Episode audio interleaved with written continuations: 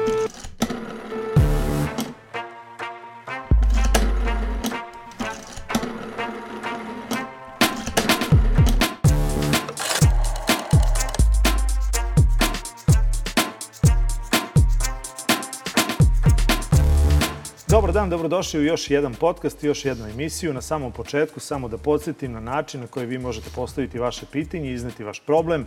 On se ne mora ticati samo grada Beograda, već i svih ostalih gradova i mesta u Srbiji.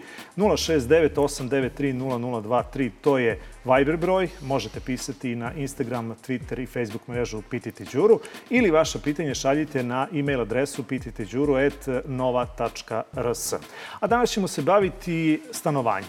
Kažu da je e, kultura stanovanja deo opšte kulture, pa je zato moj današnji gost e, Igor Ćurčić iz javnog preduzeća Gradsko stambene. Igore, dobar dan, dobrodošao. Dobar dan, Đuro, vama hvala na pozivu i dobar dan, naravno, svim vašim gledalcima. E, pa, ajde, jesmo li uznapredovali u toj kulturi stanovanja, s obzirom da gradsko stambeno, ako sam dobro pročitao, e, funkcioniše u Beogradu već 56 godina, e, pa u tom pitanju može se možda e, ubaciti i ova novina koju imamo već nekoliko godina, to su upravnici. Jesu li upravnici doprineli kulturi stanovanja i da li vi lakše sada radite ili vam je otežano to? Pa to je na neki način više pitanja u, u jednom. Uh mhm. -huh. Pre svega da kažem da ta kultura stanovanja, nažalost, nije a, evoluirala u nešto što bismo očekivali ako posmatramo neke druge grane kulture. Nažalost, evo moram da kažem, ja sam nekoliko godina radio ovde gde je vaš prostor. Vi napredujete očigledno, evo zaista jedan lep novi studio. Što se tiče kulture stanovanja, ona prosto možda ne prati sve druge sfere društvenog života, jer postoji nešto što se zove nekakav naš mentalitet koji niko, nijedna vlast ili bilo ko ne može da iskoreni, a to je da nažalost, bacite smeće kroz prozor. To se dešava da se ne lažemo, da kada imate sveže očišćenu zgradu ili vas možda mrzi da izbacite smeće, da odete do kontejnera i ostavite komši ispred vrata, da se ne lažemo, to se opet dešava. Ja ne želim ni na koji način da naše korisnike kritikujem, ali jednostavno Beograd je danas grad koji, to je bogatstvo Beograda, spaja mnogo mentaliteta, spaja mnogo kultura, ali u tom grotlu dešava se jednostavno da dolaze oni koji ne poštuju na pravi način ne usvajaju neke norme kulture stanovanja. Dobro ste rekli, to je deo opšte kulture. U svakom slučaju treba decu da vaspitamo, ja ću nešto kasnije govoriti o tome koliko mi kao društveno odgovorno preduzeće radimo upravo na vaspitanju najmlađih, da danas sutra prosto moja, vaša deca budu generacije koje će biti, koje će se tako odnositi prema svojoj zgradi, mnogo bolje i od vas i od mene, shvatate da je to jedan zajednički dom. To nije nečije tamo. To je kuća. Kada imate kuću, vi kažete moj krov, moja fasada, moja vrata, moje dvorište, da se našali malo pa da kaže moj pas. Isto je ovde. Zamislite da tu kuću delite sa, ne znam, porodicom svoga brata. Ovde je mnogo porodica. Vlasnici stanova su ujedno i vlasnici svih zajedničkih delova stambenih zgrada. Dakle, to je jedan veliki zajednički dom. Kada budemo imali takvu svest o stambenim zgradama, onda vrlo verovatno nećemo dozvoliti sebi da nažvrljamo grafit na fasadu, jer je tu fasadu neko a, platio, možda odvojio od nekih drugih potreba da bi je sredio, onda ćemo moći da pričamo na drugačiji način, ali to je sve neka vrsta tranzicije svesti. A imaju li građani svest da je krov, da je fasada, da je ulaz, da je ono što, što je ispred ulaza od ulice, da je to sve njihovo zajedničko, da ti poštanski sandučići nisu nečiji E, tamo e, od nekog gradskog stambenog koje bi samo moralo da dođe i da to e, Dakle, jesmo li napravili kao stanovnici Beograda i svih ostalih gradova u suštini tu tranziciju između svojine koja je nekada bila i ove koja je sada? Mlađe generacije koje do nekle pripadamo i vi i ja imaju tu svest da mi prosto živimo u jednom modernom kapitalističkom dobu, kako, kakvo god uređenje a, bilo u, u, u nekom gradu, u nekoj lokalnoj samoupravi, mi smo u kapitalizmu, to je činjenica. Dakle, odavno ne postoji ta društvena svojina. Mi i dalje imamo neke zalutale, desi se, zalutale bake i deke koje kažu ali zašto vi nešto ne radite? Mom ste ocu menjali bojler. Tačno je, mi smo menjali i bojlere u stanovima koji su negde i pripadali nama, koji su bili društvena svojina, oni su bili u zakupu. Ti stanovi su odavno otkupljeni i vi danas kada prodajete stan naravno nećete procenat te prodaje dati gradskom stambenom, nego ćete uzeti vi, jer ste vi vlasnici.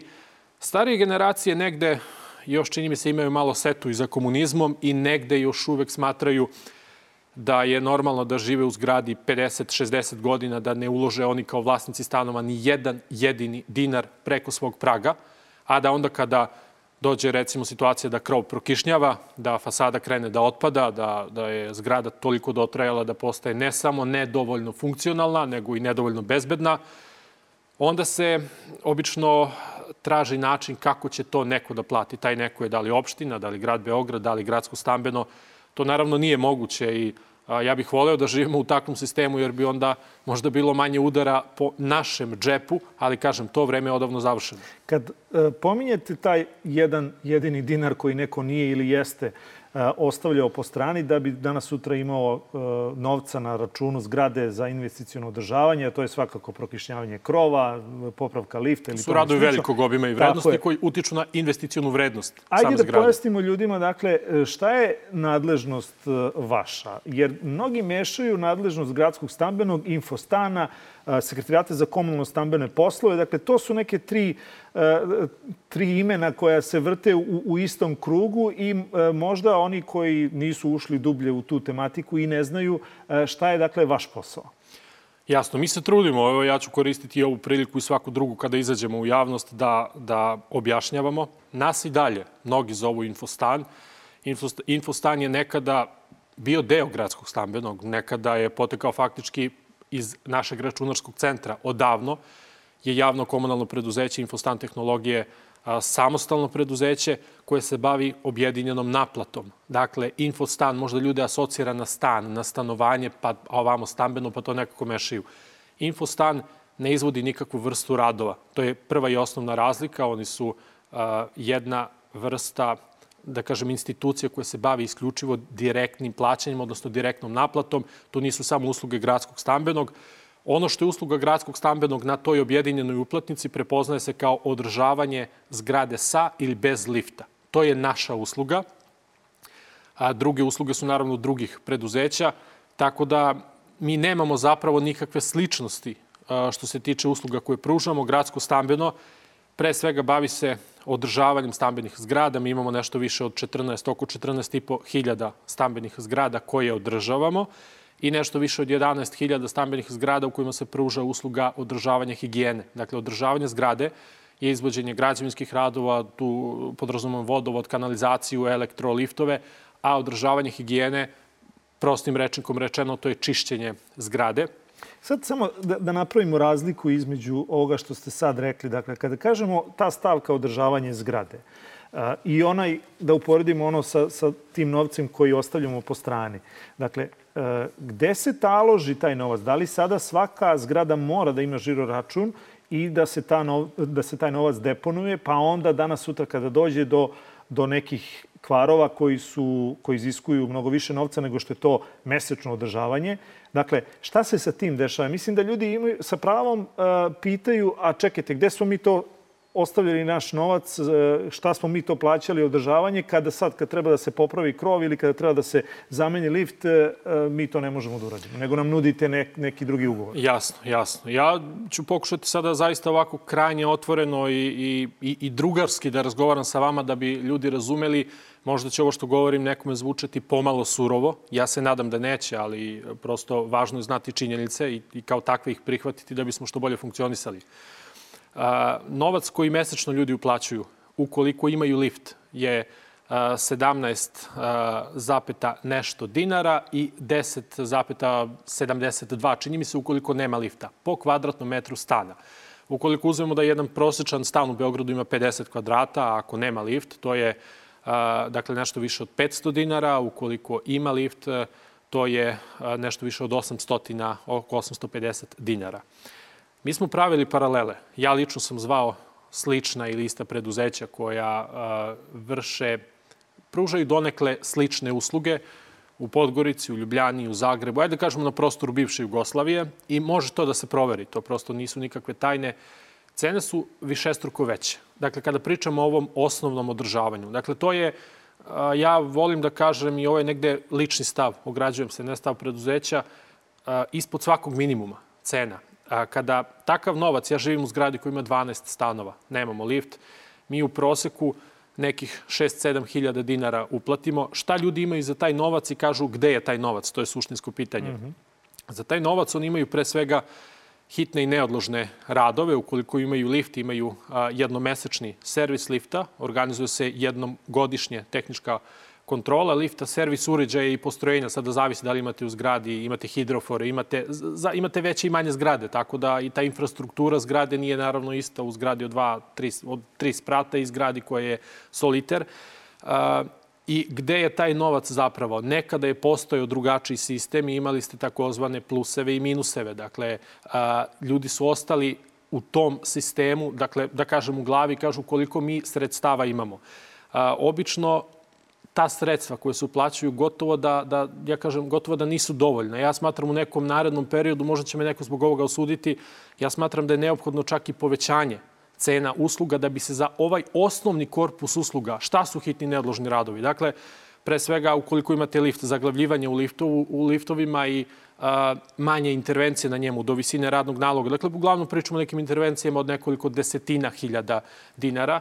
A, to su odgušenja, dakle kada imate neko mesečno, naročito recimo leva obala Dunava, imate a, i, i po 10 zagušenja u toku jednog meseca, to se radi cisternama, to, to prilično košta.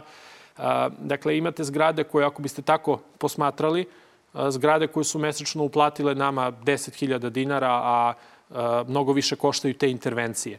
Dakle, interes grada Beograda je svakako ispred interesa zgrade Igora Ćurčića, Đure Svilara ili, ili bilo kog drugog.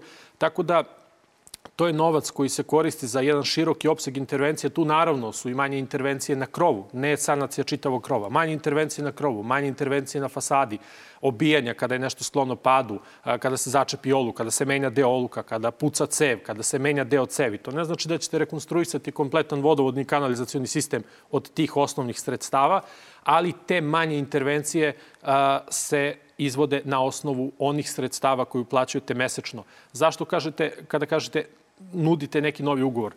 Sve što su radovi tog velikog obima i vrednosti, da mi izađemo na teren, napravimo predmer, ukoliko neko traži recimo sanaciju krovne terase koja ima 200 kvadrata, mi ćemo izaći, napraviti predmer i uputiti ponudu i to će biti recimo sada da, da ne licitiram cifre, ali uzet ćemo za primjer. Ako nešto košta 700.000 dinara i mi ćemo reći to će biti otplata na rate, mi dajemo otplatu na do 60 mesečnih rata. Znači 60 je najveći broj rata i to će na onoj uplatnici, da se sada vratimo, koja je prosto prati od početka priču, ostaće ona uplatnica, na uplatnici stavka održavanje zgrade sa ili bez lifta, onda se pojavljuje dodatna održavanje po ugovoru, broj taj i taj. To je taj ugovor za, za krov, ugovor za remont lifta, ugovor za taj neki, a, neki veći rad. Tako da treba praviti, osim toga, ja ne volim da se nešto mnogo, ne volim ljude koji se stalno nešto, da kažem, kriju zakon, kaže ovo, zakon kaže ono. Mi gledamo stvarno ne, neki put koliko može da se u realnim okolnostima najviše da korisnicima, ali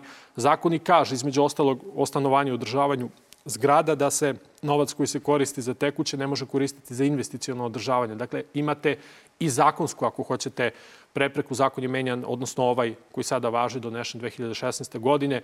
Postojale su drugačije pravila, umeđu vremenu pravila se menjaju. Samim tim i usaglašavamo i ugovore i, prilagođavamo se onome što je Kad pominjete te ugovore, vrlo često pitanje, dakle to gledalci vrlo često postavljaju, a to je zašto jedan te isti posao kod vas, to jest preko vas, ako ćemo ići tako kolokvijalno, uh, košta nekad i duplo više nego ako to ponudi jedna privatna firma. Vrlo često sam dobio odgovor paušalni da je to zato što vi dajete na 60 rata i što na neki način dajete garanciju. Ali da li je moguće recimo da e, popravka lifta ili popravka e, posljednjeg, spra, to jest te ploče, ukoliko, ukoliko nema krova nego samo ravna ploča, da košta duplo više ili dosta više u odnosu na nekog e, privatnog e, izvođača radova koji će ponuditi ljudima svoj, svoje ruke, svoj posao. Pa ja ću da vam kažem ovako vrlo otvoreno i prednosti mane, pa ćete i vi negde, i vi ste stanar kao i ja, pa ćete da procenite. Što se tiče pre svega cena, a, treba biti realan i za početak reći evo u poslednjih godinu dana, ne pričamo o gradskom stambenom, tržište čelika, tržište betona, cementa, građe, PVC stolarije, svih mogućih materijala je drastično poskupelo. Neki materijali čak i 300%. Dakle, to je nešto što ne diktira gradsko stambeno. Dakle, i naše su cene samim tim morale da isprate taj tempo. To je prva stavka jer i mi dobijamo pitanja zašto su sada za sličan posao je bilo toliko. Nažalost, i ako uzmete da renovirate sobstvenu kuću, vidjet ćete koliko košta crep danas, koliko pre dve godine i sve drugo. Što se tiče a, tih cena koje negde ljudi vole da kažu može da se nađe jeftinije. Da li može da se nađe jeftinije? Sigurno može da se nađe jeftinije, ali suština je postoji toliko zaista nestabilnih. Moja zgrada je u sistemu održavanja gradskog stambenog, dakle možemo da raskinemo sutra taj ugovor ukoliko ja budem smatrao da postoji na tržištu neko ko će mi dati više. I vaša zgrada je kod nas u sistemu takođe. Možete me sutra pozvati i reći kako najbrže da izađemo. Ali ne verujem da ćete izaći zato što ste verovatno i vi svesni da na tržištu ne može da se nađe pouzdana kompanija, preduzeće, privatno koje dovoljno dugo postoji, koje daje, kažete, garanciju. Mi smo imali dosta situacija. Evo vidi Kovački venac. Poznate su situacije gde i vi ste izveštavali, mislim, vaša kuća gde stanari daju da im se napravi nadogradnja za uzvrat, recimo da im se sredi kompletna fasada. To budu cene koje su duplo niže od gradskog stambenog. Završi se tako što se uradi zaista van svih pravila struke. Završi se tako što na kraju gradsko stambeno mora, da kažem malo, da se izrazim žargonski, da vadi kestenje iz vatre, jer otpadaju komadi po 5 puta 5 metara, blizu škole, blizu vrtića, neke smo zgrade sredili, neki dalje imaju takav problem suštinski privatne firme često, nažalost, naročito građevinska industrija je problematična, odrade posao onako kako građevinska struka a, ne kaže da treba. Mi imamo sledeći način rada. Imamo građevinske inženjere i arhitekte koji su nadzorni organi. On mora svojim, to su ljudi koji rade za platu, koji hrane svoje porodice. Dakle, on mora svojim potpisom da garantuje da su ti radovi izvedeni u skladu sa pravilima struke i vi kada platite da neće taj neko da nestane. Ako nestane taj koji je potpisao, neko mora preuzeti njegovu obavezu. To je prva stvar. Dakle, imate naravno garanciju da gradsko stambeno je 56 godina na tržištu i, i postojaće. Dakle, tu smo, neće nestati. Vrlo je važno, to znaju oni koji su odabrali neke privatne a, kompanije kako su se proveli. A, drugo, mi naplaćamo PDV da se ništa ne lažemo kada uzmete majstora Miću i njegova dva ortaka, tako nama to stanari govore, ja mogu za duplo manje. Mi kažemo, mi nismo monopolističko, mi nismo komunalno preduzeće, možete to da uradite. Ali, uglavnom, na kraju se opet vrate nama. Dakle, suština je, između ostalog, naravno da imate nadzor, naravno da imate garanciju u garantnom roku ukoliko se desi da, da ti radovi popravite krov, a on prokisne, vi podnesete reklamaciju, naša je obaveza da bez dodatnog naplaćivanja popravimo ukoliko nešto nismo uradili. Ali vrlo, Moram... često, vrlo često sam imao u emisiji pitanje gde su se ljudi upravo žalili na jednog od vaših glavnih eh, podizvođača. Oprosti, odgovorit ću vam samo da, mm -hmm. da mhm. dovršim. Naravno da je važno i to kada dajete petogodišnju otplatu. Da li možete vi auto da prodate meni za istu cenu za keš, i da vam pet godina otplaćujem svakog meseca pomalo. Siguran sam, dakle, postoji bankarsko kreditiranje, dakle, gradsko stambeno nije svetska banka. Uh, naravno da to negde povećava cenu. Vi imate u ugovorima i a, nešto što se zove naš interes, znači a, neki novac koji služi za funkcionisanje gradskog stambenog. To su sve vrlo javne, jasne, transparentne stavke. Kada sve to saberete, ukoliko neko ko će da nabavi materijal, ne znam kako, ko može sutra da nestane, ko vam ne naplaćuje ni PDV, ko nema račun i ko će da vam naplati vrlo verovatno ili sve odjednom ili možda pola unapred, ovde naplata kreće po završetku radova. Kada sve saberete, takođe, Kako, ako krenete tako da skupljate od vrata do vrata, vraćamo se na priču o stambenoj kulturi i mentalitetu, ja živim dole, meni ne kisne, ili ja živim na prvom spratu, ne koristim lift, zalupit će vam vrata. Ovde, ukoliko većina kaže da, hoćemo da stambeno radi, ostali će hteli, ne hteli dobiti obavezu na uplatnici i plaćali, ne plaćali, vas to ne zanima, radovi će biti izvedeni. Ni mi nemamo 100% naplatu ali to ne treba da zanima stanare. Tako da prednosti i mane na jednoj strani, ja kažem, ja kao stanar biram gradsko stambeno, i mislim da u gradu ne postoji ništa bolje. Tako da... Ali, evo, sada se vratimo na te podizvođače. Vrlo često se ljudi žale upravo na vašeg najčešćeg podizvođača, to je firma Rastošnica. Je li moguće da na tržištu ne postoji ni jedna druga firma koja je nazad 20 godina funkcioniše u Beogradu i da samo oni dobro rade? Dakle, vrlo, vrlo često ne dolaze na pozive, oglase se nenadležnim, e, pitanje kakvi su radovi. Ja vam govorim to sve iz iskustva jasno, koje imam jasno. kroz dugogodišnji rad u ovoj emisiji. Dakle, to su građani postavili pitanje sa konkretnim, sa konkretnim stvarima. Dakle, ajte malo o njima da pričamo. Dakle, da li će se ti podizvođači menjati u jednom momentu? Znate kako, mi imamo nekoliko ograničavajućih faktora. Mi naravno pre svega poštujemo zakon o javnim nabavkama. Gradsko stambeno nije to koje piše zakon i nije to koje bira sva pravila, hajde da tako kažem, igre, odnosno poslovanja.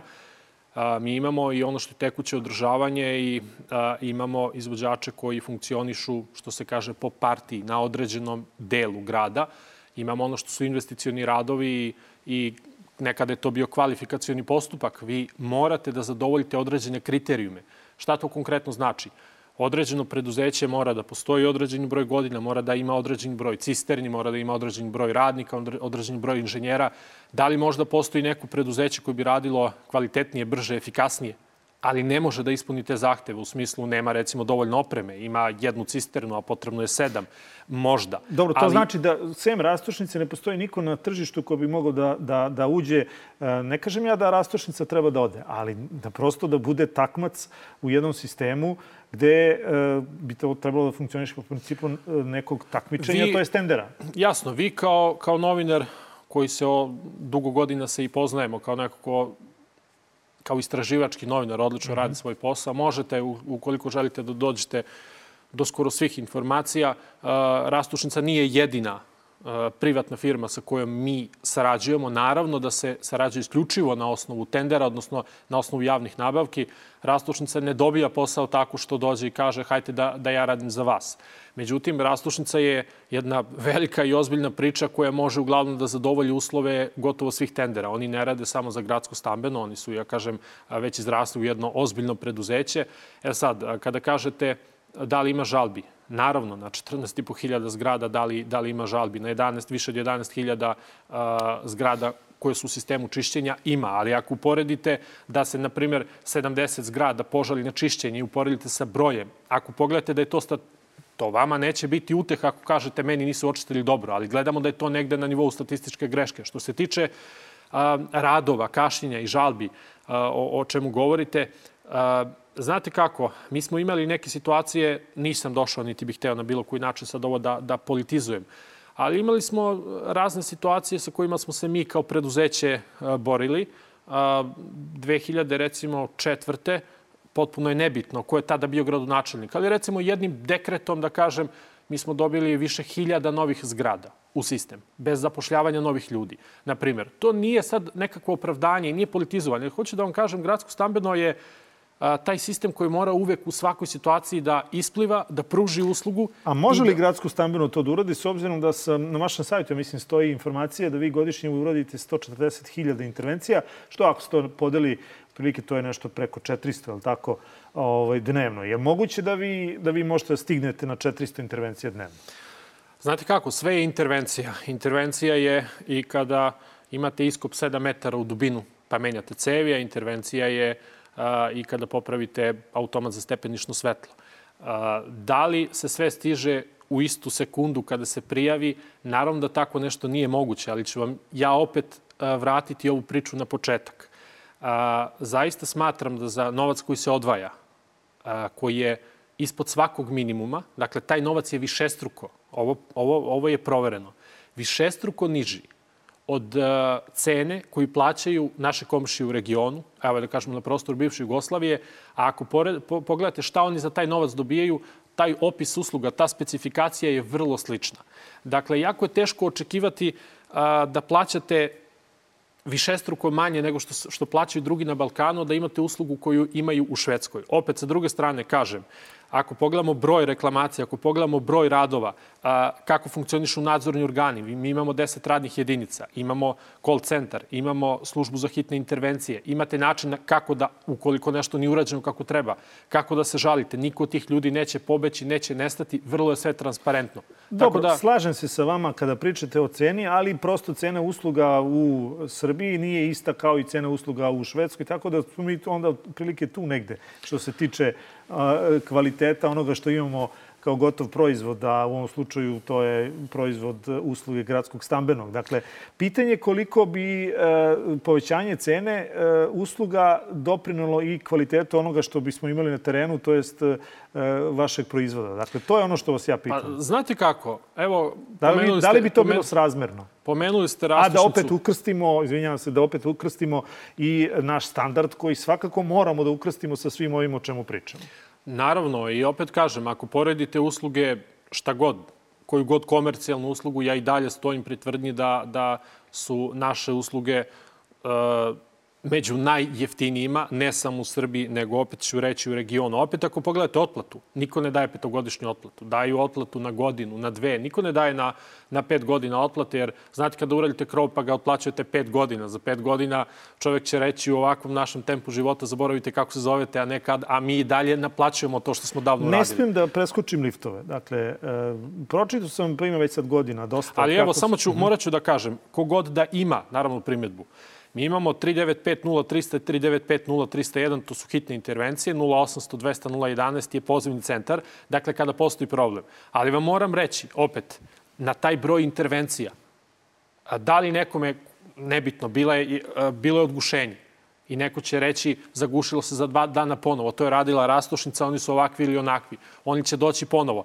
Niko neće reći koliko su te cevi stare. Niko neće reći, kod nas je uh, mali broj, kada pogledate nove zgrade, one uglavnom nisu u našem sistemu. Ako pogledate o, ovu novo, novo gradnju, luksuznu, to su zgrade koje su jako, jako stare. Ja nisam došao da se pravdam, ali a, cevi koje 60 godina niko nije menjao i to što imate 4, 5 ili 6 a, zagušenja na mesečnom nivou, ne znači da rastušnica nije dobro odgušila, ali te kako Ja znači... vas, da, ja vas, da ja to vas razumem i to jeste što se tiče gradskog stambenog e, na neki način, ajde, nazovimo ga opravdanje, ali prosto e, jeste e, fakat koji, koji vama ide u prilog. Ali zar ne treba grad Beograd da, da brine o tim cevima koje su 60 godina stare, a ne sami stanari? Dakle, stanari kada dođe do odgušenja nisu krivi što ono od šahta ka gradu, ako tako mogu da se izrazim, njegov, njegovoj nadležnosti nije, kri, nisam ja kriv za, za to Pa što se malo- tamo na ulici to začepilo. Evo malo da pojasnimo. Dakle,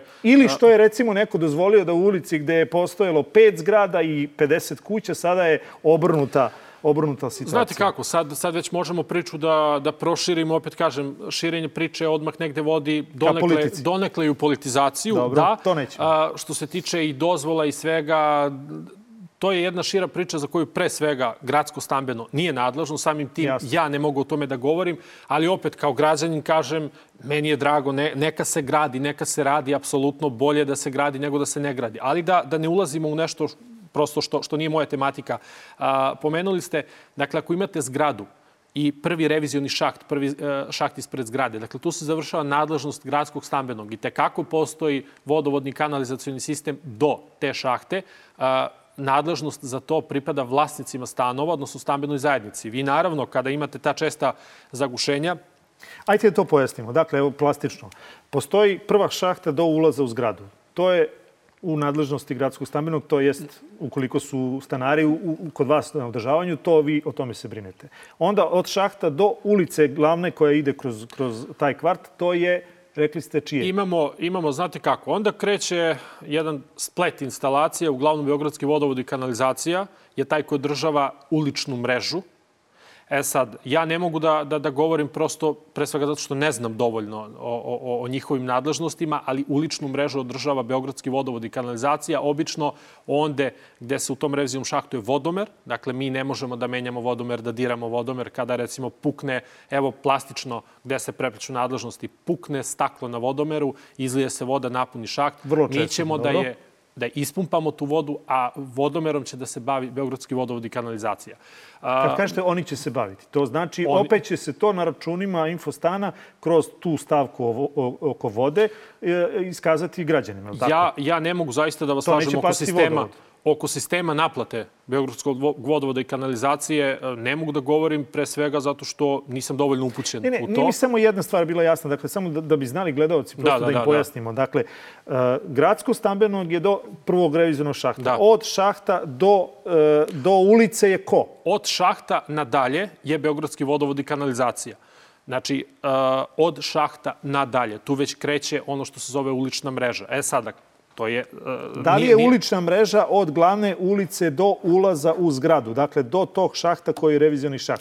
Ovo što 90, vas pitam, dakle, čije je ovo do u ulice? U 90% slučajeva, onda gde prestaje nadležnost gradskog stambenog, počinje nadležnost Beogradskog vodovoda i kanalizacije, postoji nešto, a, znam šta, evo, pa ću u vaše, ovaj, da vam skratim muke, a, znam šta pokušavate, ovaj, pa da ne bismo gubili vreme, da postoje delovi instalacija u ovom gradu koji su nešto što se može nazvati ničijom zemljom. Šta to mhm. znači? Instalacije kada, kada je nešto pravljeno, građano i tako dalje, nije baš sve predviđeno i 50-ih i 60-ih. Imamo jednu, jednu revoluciju u gradnji 70-ih godina, recimo na Novom Beogradu i tako dalje.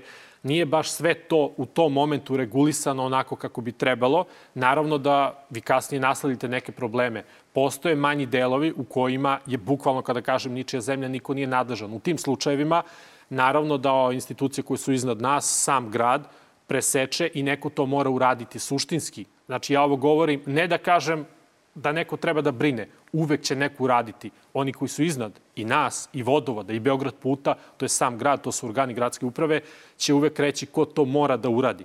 Ali uh, ako postoji tak, takav, takvo neko parče, uvek će ona iznad nas presuditi ko će to da radi. To su redki Jasne. slučajevi, uglavnom gde stavimo mi nastavlja BVK.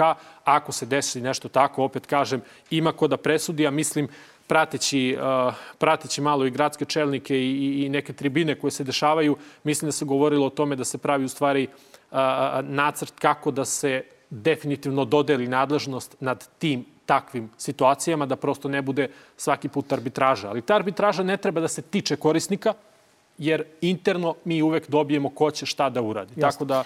E, ne smijem da preskočim temu e, liftova, dakle, to moramo da pojasnimo. E, negde sam kao što rekao malo pre, pročitao da e, je neka prosečna starost liftova u Beogradu preko 50 godina. Vi me ispravite ako, ako grešim.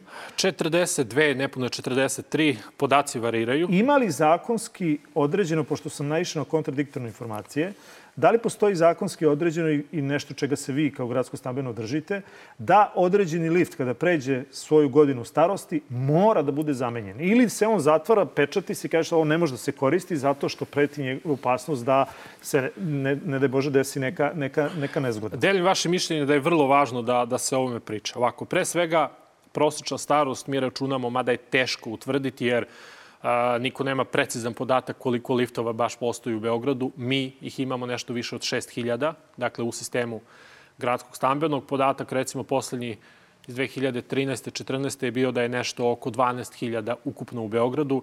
Ja ću biti slobodan, evo pogledajte samo broj liftova, ne znam, od Beograda na vodi, od 200 i tih novih naselja. Ja ću biti slobodan da kažem da je tih liftova sigurno i blizu 20.000 danas. Opet, vrlo se ograđujem kada o ovome govorim nešto više od 6000 ih je u našem sistemu. Uh, oni jesu vrlo stari, vrlo dotrajali, pre svega da kažemo da im je radni vek 25 godina. Dakle, u idealnim okolnostima, da smo mi društvo koje može toliko da priušti, oni bi posle 25 godina išli u, u, u liftovsku penziju. Mm -hmm. Da, da ne kažem u staro a, gvožđe.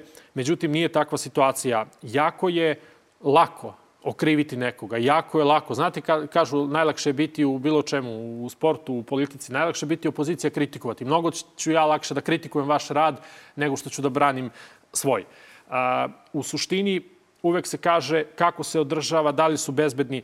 Pre svega da razjasnimo da već 30 godina ne postoji škola za školovanje lift montera i lift servisera. Zvuči bizarno, zvuči čudno, ali je činjenica. Svojevremeno, Donet je zakon kojim je to proglašeno za opasno zanimanje i deca od 15 godina, kad bi trebalo krenu u srednju školu, više nisu mogla da idu u srednju školu. To je opasno zanimanje. Mi smo ostali bez takvih majstora. oni koji su, mi smo pravili, vaše kolege iz medija su pravile i priče sa našim majstorima koji su poslednja generacija, to je 91. godine, poslednja, dakle 31 godina je prošla od tada, od kako su oni završili školu to su već ljudi koji su polako Šta to znači? Da ćemo uvoziti majstore za Oni polako ulaze u, u neke godine pred penziju. Ono što mi trenutno radimo je obučavamo naravno u hodu mlade ljude koji su mašinske struke, koji su elektrotehničke struke. A liftovi su danas vrlo kompleksne mašine koje, koji zahtevaju poznavanje i mehanike i elektrike, elektronike. elektronike. Mm -hmm. To su danas već imaju ozbiljne računare u sebi.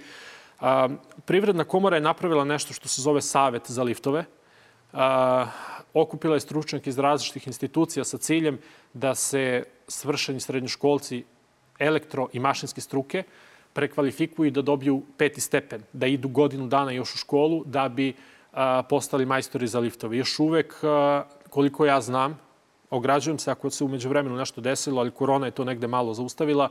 Nijedna škola još uvek nije krenula sa školovanjem. U planu je, koliko znam, više desetine škola je bilo zainteresovano za saradnju uh -huh. sa Savetom za liftove. Na taj način mi bismo problem rešili. Opet kažem, Bogu hvala da se gradi, ali svaki put kada vidim zgrade, evo tu su uh, ozbiljni kompleksi. Ja sam u Zemunu pa gledam Zemunske kapije koliko samo to, to raste.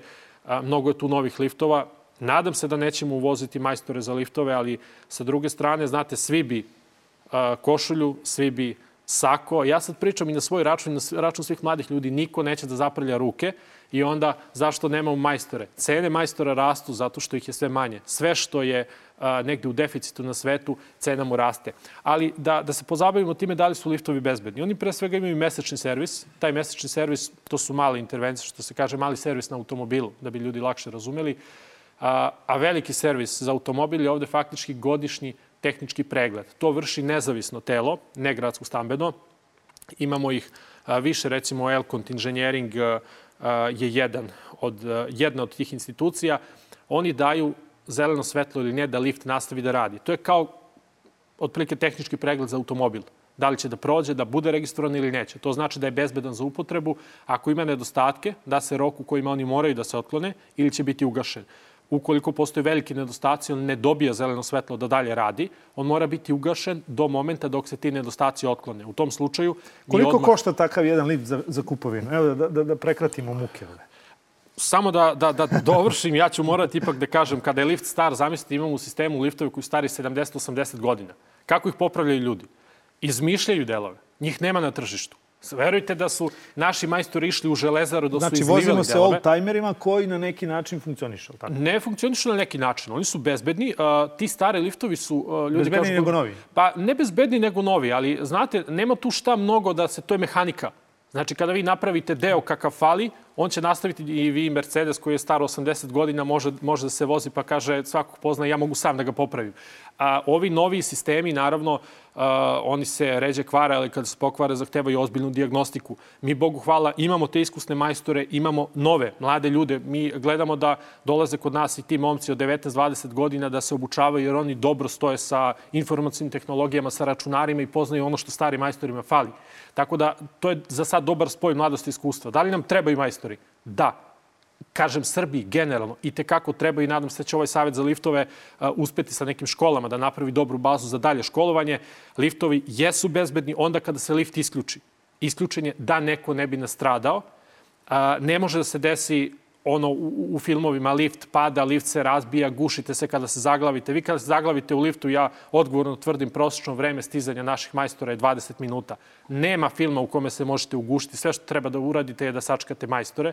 Dakle, liftovi jesu bezbedni, ali su jako stari i dotrajali i ne može se očekivati da svaki kvar se popravi. Oni često idu motori u radionicu i tako dalje, da vas, da vas ne davim. Često se popravlja lift i po 15-20 dana jer više majstora na njemu radi. A, tako da remont lifta ili kupovina novog lifta, opet se vraćam na do 60 rata, otplata na 5 godina, je negde prosto najbolje rešenje da, da, da trajnije rešite problem. A, mi Koliko liftove... Novca? To vam je kao da me pitate koliko košta nova auto. Dobro, ajde od do. A, Čisto da ljudi znaju kada ih to strefi. A, pričamo o remontu ili o novom liftu?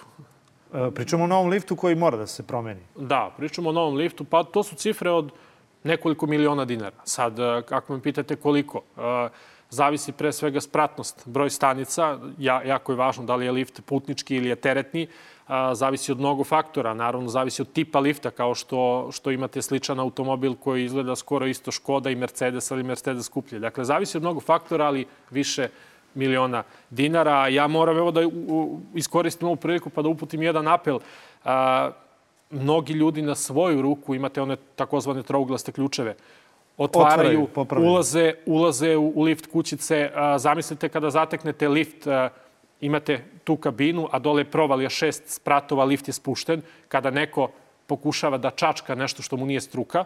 Mi smo više puta, kada to zateknemo, obavezno lift isključimo iz pogona i ide na vanredni tehnički pregled. Igore, hvala puno na izdvojenom vremenu. Dakle, ima još tema koje, koje ćemo nekom drugom moguće prilikom... da je ovo prošlo ovako da, brzo? prošlo je, da. Ovaj, ima, ima ovaj, dosta tema koje nismo dotakli, ali bit će prilike pa ćemo to, pa ćemo to učiniti. A ako ja mogu da zaključim, dakle, o, za one starije e, sugrađene koji primaju penzije i kojima ne radi lift, ja mislim da će oni morati da idu pešaka ukoliko im, im se desi to da, da jednog dana moraju da, da, da, da menjaju i taj lift. Mada možda tih 60 rata će ipak ovaj, to da, da, Da Šta da vam kažem, brzo ovo prošlo, ja ću morati ponovo da dođem kod vas da, da idemo u detalje, ali a, nigde neće naći povoljniji način otplate, ali a, liftovi koji voze po 60-70 godina, ništa nije večno, ni vi, ni ja, pa ni jedna mašina. Sve. Hvala još jednom. Hvala, Hvala još jednom. Moj današnji gost bio Igor Ćurčić iz javnog preduzeća Gradsko stambeno, a mi ćemo se sledećeg utorka baviti nekim drugim temama. Zato i vi pišite, postavljate, postavljate pitanja na broj telefona 069 893 0023. To je Viber broj, dakle možete slati i poruke, a isto to možete činiti tako što ćete postaviti pitanje na e-mail adresi pitajte.đuro.nova.rs ili na Facebook, Instagram ili Twitter mrežu.